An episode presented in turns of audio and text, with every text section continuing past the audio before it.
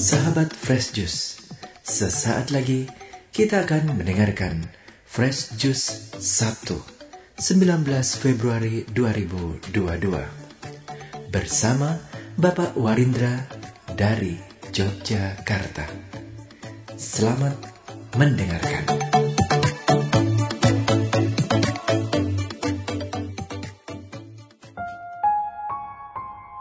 Sahabat Fresis, selamat berjumpa. Berkah dalam. Saya Warindra dari Yogyakarta. Marilah kita dengarkan sabda Tuhan hari ini, Sabtu 19 Februari 2022. Inilah Injil suci Tuhan kita Yesus Kristus menurut Santo Markus, bab 9 ayat 2 sampai 13. Yesus dimuliakan di atas gunung. Enam hari kemudian, Yesus membawa Petrus, Yakobus, dan Yohanes, dan bersama-sama dengan mereka ia naik ke sebuah gunung yang tinggi. Di situ mereka sendirian saja. Lalu Yesus berubah rupa di depan mata mereka, dan pakaiannya sangat putih berkilat-kilat tidak ada seorang pun di dunia ini yang dapat mengelantang pakaian seperti itu. Maka nampaklah kepada mereka Elia bersama dengan Musa. Keduanya sedang berbicara dengan Yesus. Kata Petrus kepada Yesus, Rabi, betapa bahagianya kami berada di tempat ini.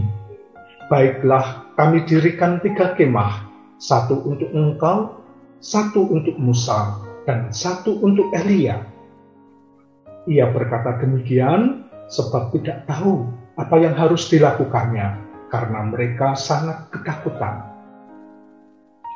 Maka datanglah awan menaungi mereka dan dari dalam awan itu terdengar suara, Inilah anak yang kukasihi, dengarkanlah dia. Dan sekonyong-konyong waktu mereka memandang sekeliling mereka, mereka tidak melihat seorang pun lagi bersama mereka, kecuali Yesus seorang diri. Pada waktu mereka turun dari gunung itu, Yesus berpesan kepada mereka, supaya mereka jangan menceritakan kepada seorang pun apa yang telah mereka lihat itu sebelum anak manusia bangkit dari antara orang mati mereka memegang pesan tadi sambil mempersoalkan di antara mereka apa yang dimaksud dengan bangkit dari antara orang mati.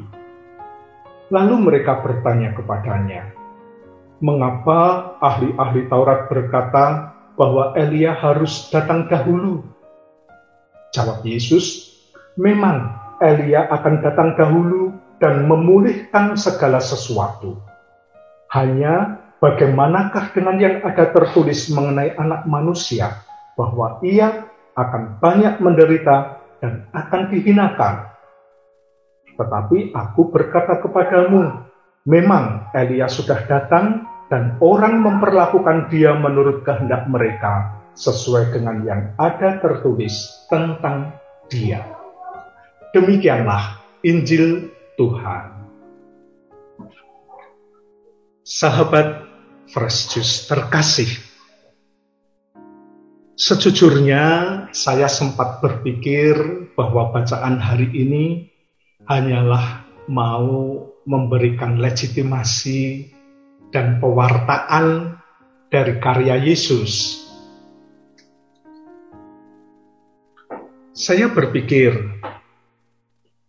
sebagai tokoh baru, Yesus sepertinya membutuhkan pengakuan dari tokoh-tokoh berpengaruh sebelumnya. Bahkan masih ditambah suara dari dalam awan yang dikesankan seperti suara Allah sendiri. Apakah itu peristiwa historis yang sungguh terjadi?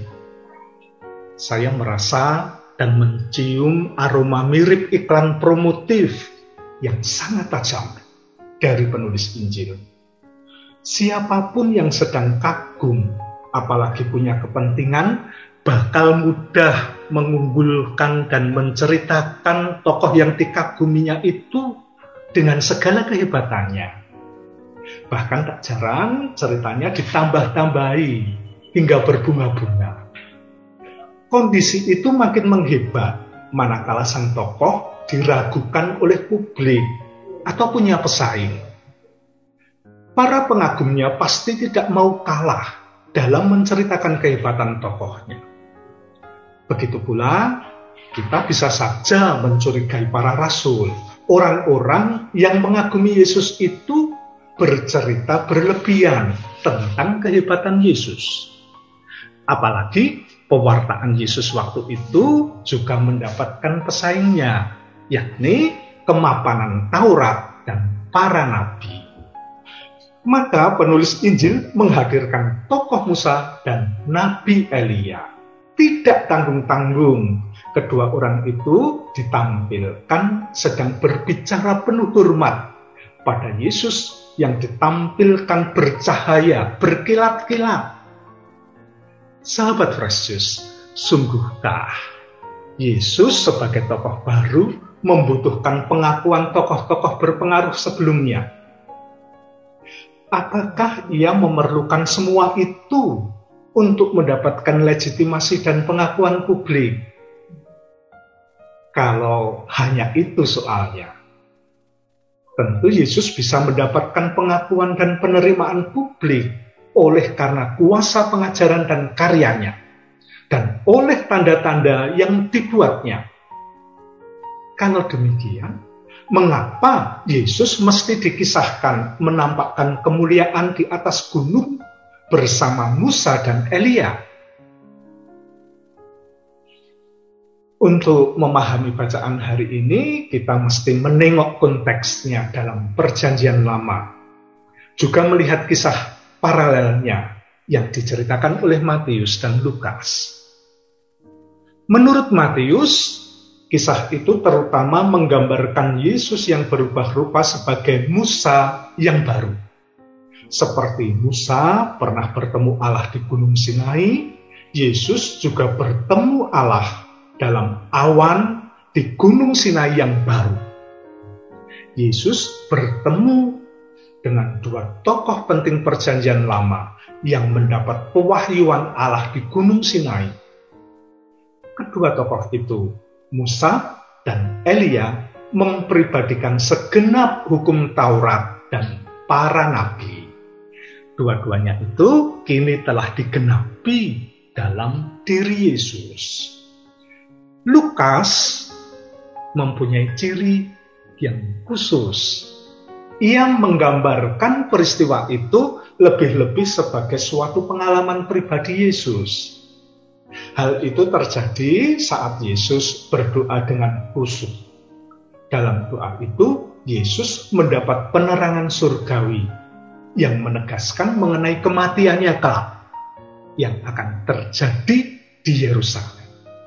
Yerusalem tempat ia mengawali sekaligus mengakhiri karya penyelamatannya.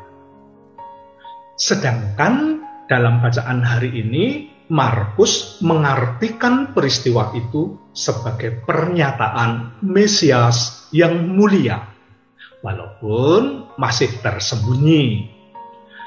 Pandangan seperti itu amat sesuai dengan pandangan Markus dalam seluruh Injilnya. Peristiwa Yesus berubah rupa itu memang hanya terjadi sebentar saja. Namun yang sebentar itu telah cukup untuk menyatakan siapa sebenarnya Yesus itu. Ini diperlukan agar para murid tidak terguncang saat Yesus mengalami penderitaan dan direndahkan sebagai hamba Tuhan yang menderita, bahkan sampai kematiannya nanti. Ini cocok untuk mempersiapkan prapaskah awal bulan depan. Kembali ke pertanyaan di atas. Apakah peristiwa itu menjadi peristiwa historis yang sungguh terjadi menjadi tidak penting lagi? Hanya ngecah-cah pikir, kata orang Jawa. Bagaimanapun, seandainya itu tidak benar secara historis, pesannya tetap benar secara teologis. Semua bisa dibenarkan dengan melihat kuasa pengajaran dan tanda-tanda yang dibuatnya dalam seluruh karya publiknya. Dan puncak legitimasinya adalah kebangkitannya yang telah menumbuhkan pengakuan iman bahwa Yesus adalah Kyrios dan Kristus, Tuhan dan Kristus, Mesias yang mulia. Sahabat Yesus terkasih, kisah ini menegaskan pesan bagi kita bahwa Yesus pantas dipercaya. Dengarkanlah dia. Amin. Berkah dalam. Sahabat Fresh Juice, kita baru saja mendengarkan Fresh Juice Sabtu 19 Februari 2022. Terima kasih kepada Bapak Warindra untuk renungannya pada hari ini. Sampai berjumpa kembali dalam Fresh Juice edisi selanjutnya. Jaga kesehatan, pakai masker, dan salam Fresh Juice.